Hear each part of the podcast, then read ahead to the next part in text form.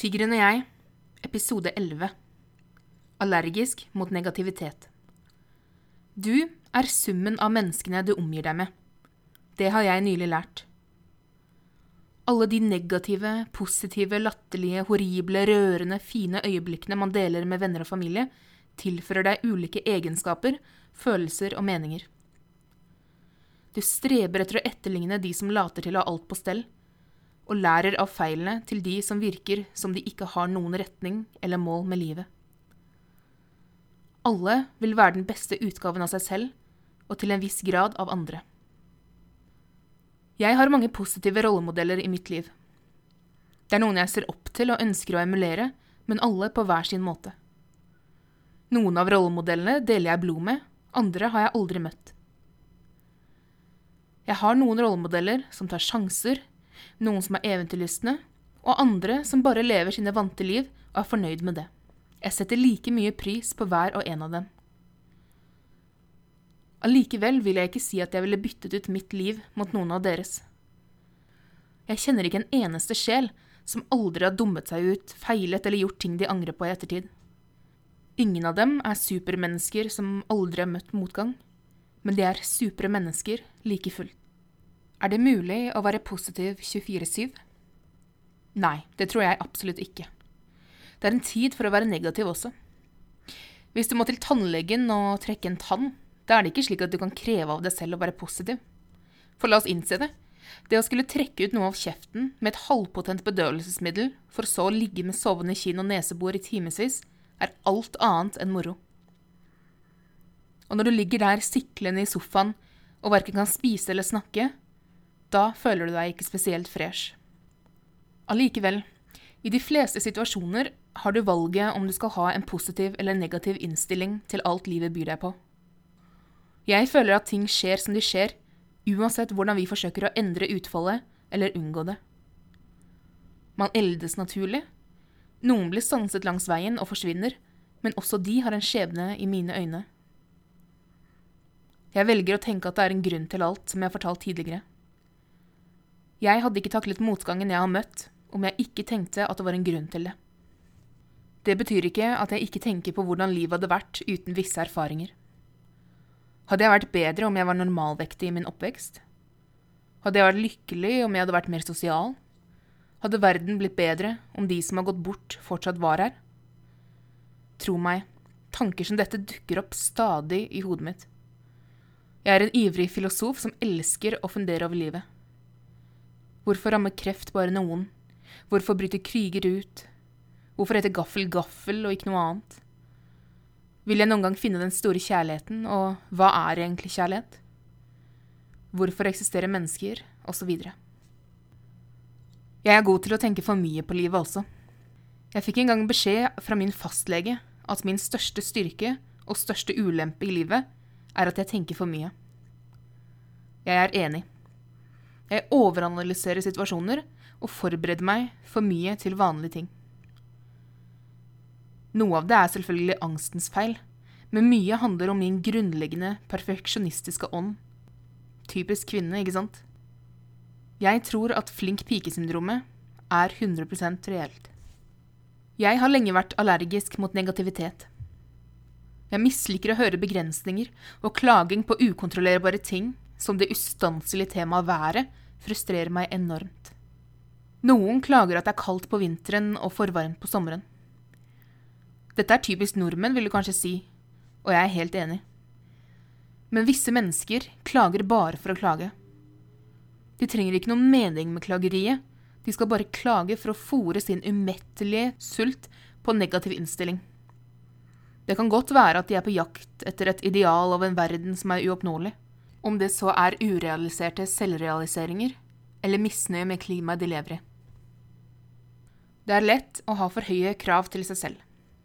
Jeg tror alle mennesker har vært skyldig i det på et eller annet tidspunkt i løpet av livet. Det er universelt, men varierer i styrke etter hvor i verden du kommer fra. Jeg funderer av og til over om jeg hadde vært et lykkeligere menneske uten vestlig luksus og forventninger. Hadde jeg kuttet ut å lese nyheter en uke, hadde jeg definitivt blitt gladere til sinns. Men er det etisk riktig å snu det blinde øyet til? Å kutte ut internett hadde imidlertid vært lurt i en periode for min egen del. Selv om det er mulig å finne positive nyheter og sunne rollemodeller på nett, ender jeg stort sett opp med å vasse i andres elendighet og sammenligne meg selv med andres perfekte ytre. Det er temaer jeg egentlig burde holde meg langt unna. Jeg ender bare opp med å føle meg nytteløs, og det hjelper jo ingen. Selv lever jeg mer eller mindre konstant med høye krav til meg selv. Noen av dem urealistiske. Det er en prosess å dempe forventningene til livet.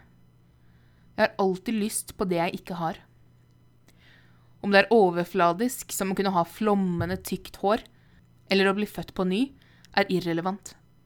Det er nesten like vanskelig å slippe ønsketenkningen uansett.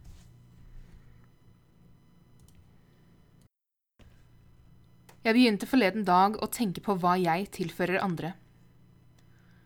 Jeg kom frem til at jeg ikke har spredd mye positivitet de siste årene.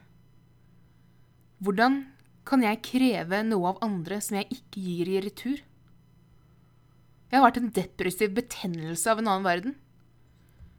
Det er ikke noe galt i å være slik i en periode, men etter hvert må man slutte. Selvfølgelig er ikke depresjon et valg. Det er en pine å bære med seg, og i mine mørkeste stunder kunne jeg ikke engang se lys i enden av tunnelen.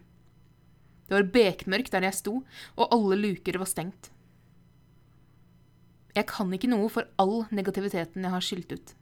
Jeg skammer meg allikevel over at jeg, som anser meg selv som allergisk mot negativitet, har spredd det selv.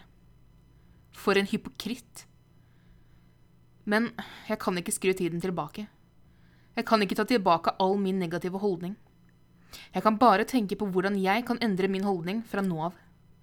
Jeg forsøker å se positivt på livet om dagen, men det er ikke like enkelt hver dag. Noen dager faller jeg i den gamle gruven igjen. Jeg tenker at alt er umulig, og alt er tungt og jævlig. Men det er også lov. Alle har tunge dager også. Det er mange måter å spre positivitet på, og alle som sprer den, har sin egen måte å vise det på. Av og til handler det om å bare gi et smil til en du ikke kjenner. Det koster ikke så mye. Jeg merker heldigvis at jeg begynner å mestre min nye positive innstilling. Her om dagen ble mitt humør utfordret på det groveste. Dagen begynte ganske fint. Bortsett fra at jeg hadde gått tom for pålegg, og det eneste jeg hadde igjen å drikke, var vann, var jeg i ganske greit humør. Etter frokosten begynte det derimot å murre noe enormt i venstre underkjeve. Dagen før hadde jeg kjent på tannverken noen få timer, men jeg la meg med et håp om at pinen var borte dagen etter. Tannpinnen var definitivt ikke vekk. Jeg kikket meg i speilet og så at jeg var ganske hoven. Som jeg har fortalt før, hater jeg endringer, både fysiske og abstrakte. Jeg kjente at pulsen steg litt, men denne gangen var det ikke på grunn av betennelsen. Jeg var alene hjemme, og jeg hadde ingen mulighet til å reise til byen alene. Jeg hadde mulighet til å sitte på med noen andre, men da jeg fortsatt ikke har prøvd å kjøre med noen andre, var dette absolutt ikke rette tidspunktet. Jeg tok kontakt med fastlegen og fortalte som det var, at jeg igjen måtte begynne på antibiotika. Tannlegen var stengt en stund fremover, så jeg kunne ikke reise dit heller, og en helg med den sterke smerten orket jeg ikke. Jeg fikk resepten, og det ordnet seg med en som plukket opp medisinen for meg. Jeg roet meg igjen. Jeg slapp å stresse med å reise ut, og jeg slapp en helg i fosterstilling. Krisen var avverget. Det gikk ikke mange minutter før jeg oppdaget at bikkja hadde kastet opp på teppet. Perfekt. Jeg søkte YouTube rundt etter måter å fjerne flekkene på, og satte i gang med natron, eddik, vann, tørkepapir og støvsuger. Fire timer skulle jeg bruke på å fjerne de to flekkene. I løpet av ettermiddagen ble smertene såpass sterke at jeg måtte ty til Ibux, e noe jeg egentlig ikke skal ta etter min gastriske bypass.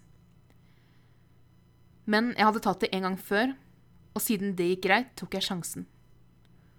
Det stresser meg å ta noe som potensielt kan gi meg magesår, men jeg pushet på med tsunami-metoden og tenkte at alt gikk greit hvis jeg bare satt rolig i båten. Smerten dempet seg i takt med at kinnet blåste seg større. Igjen var det blitt vanskelig å snakke. Ikke det at jeg trengte å snakke noe særlig, men jeg synger til stadighet, og det irriterer meg når jeg bare må holde kjeft. I stedet for å sette meg ned og gruble over min slapphet og varme kinn, valgte jeg å begynne å forberede litt til mine samboere skulle returnere. Jeg satte hunden i bånd på verandaen og luftet i alle ender. Gjennomtrekk var derimot noe jeg hadde forsømt i øyeblikket. Straks hørte jeg et dunk med påfølgende knuselyd. En lampe hadde stått midt foran det ene vinduet jeg hadde åpnet, og lampeskjermen hadde flydd av og lyspæren sprengt i små biter. Jeg sopte sammen glasskåret og lukket vinduet mens jeg mumlet noen velvalgte ord for meg selv. Jeg satte over vaskemaskinen, og da jeg kom opp, husket jeg at det var lenge siden bikkja hadde vært på do. Jeg løsnet vaieren festet i båndet hans, lukket verandadøren og fulgte han ut på baksiden. Jeg satte meg i sofaen og tok en telefon. Da jeg fem minutter senere skulle ta hunden inn, så jeg han ikke. Jeg ropte navnet hans og fikk umiddelbart en dårlig følelse. Jeg gikk ned jerntrappen og plukket opp den delen av vaieren som var festet i trappegjerdet. Jeg gled hånden min langs vaieren som endte i en avrevet ende. Helvete! På et eller annet vis hadde bikkja klart å ryke stålvaieren. Hjertet begynte å pumpe tungt, og synet ble uklart, men jeg roet meg selv med at jeg bare måtte ta tiden til hjelp. Jeg ringte opp to nummer for å spørre om hjelp, men ingen av dem hadde mulighet til å hjelpe. Jeg hentet et beger med leverpostei og stilte meg i utgangsdøren. Jeg hørte at han bjeffet et sted langt unna, og jeg kalte på han. Etter ti minutter så jeg en mann og tre jenter gående med en liten rødbrun og hvit hund i bånd. Jeg måtte kikke et par ganger før jeg innså at det var min hund. Dreveren, som vanligvis dro så hardt han kunne, gikk så pent som bare det, leiet av en av de unge jentene. Jeg ble enormt glad, og hjertet roet seg da de gikk opp bakken til huset. Hvor heldig kunne jeg bli? Vanligvis måtte vi kjøre rundt i lange tider for å finne han, og nå hadde noen brakt han til meg. Jeg var utrolig takknemlig. Timene som fulgte, var heldigvis rolige. Jeg kikket på Little People Big World og mottok juice og pålegg i løpet av kvelden takket være en snill bror. Da jeg skulle legge meg for kvelden, kom jeg på noe. Jeg hadde glemt at jeg hadde satt på grillen for å rense den. Klokken ett på natten løp jeg opp og ut på verandaen og åpnet grillen.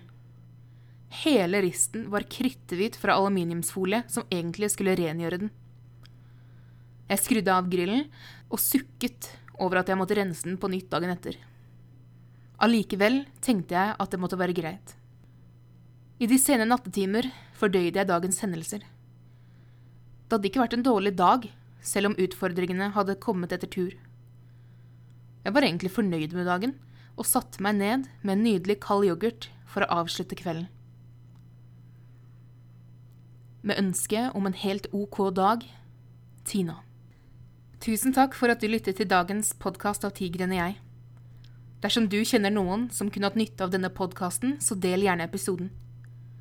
Du finner også Tigeren og jeg på Facebook, og link til bloggen i beskrivelsen. Gi meg gjerne tilbakemelding på iTunes, Soundcloud, Wordpress og Facebook. Besøk tigrenogjeg.com.